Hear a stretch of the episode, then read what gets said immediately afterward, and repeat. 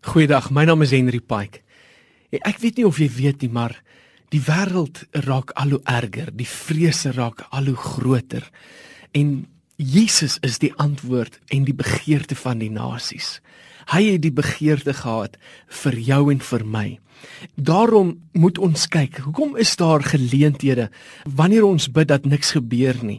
Hoekom is dit dat mense wat siek is, sieker word en doodgaan, maar hulle toestand verbeter nie? Hoekom is dit dat dat God nie meer genees nie, dat hy nie meer red nie, dat hy nie meer voorsien nie? God sê in Romeine 5 dat hy nie ons sal teleurstel nie en dat ons ons nie sal skaam staan nie.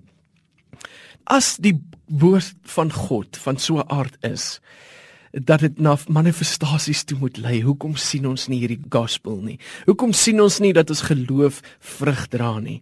Ons moet begin vra vra.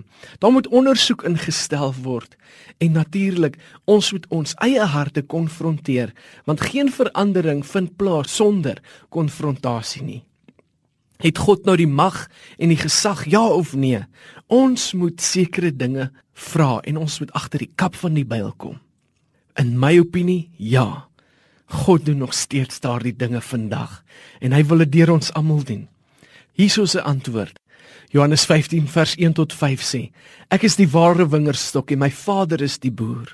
Elke loot aan my wat nie vrug dra nie, sny hy af, maar elkeen wat vrugte dra, snoei hy reg, sodat dit nog meer vrugte kan dra.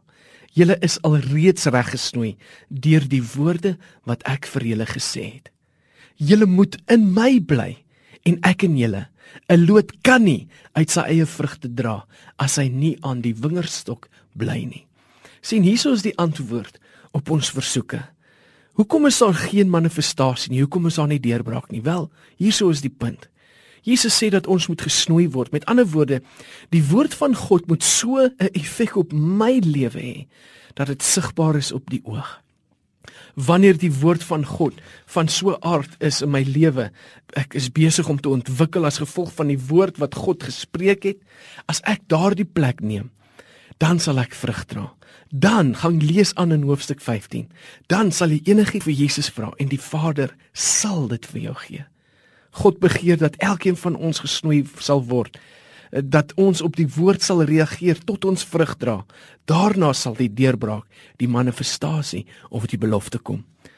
Mag jy 'n geseënde dag verder beleef. Totsiens.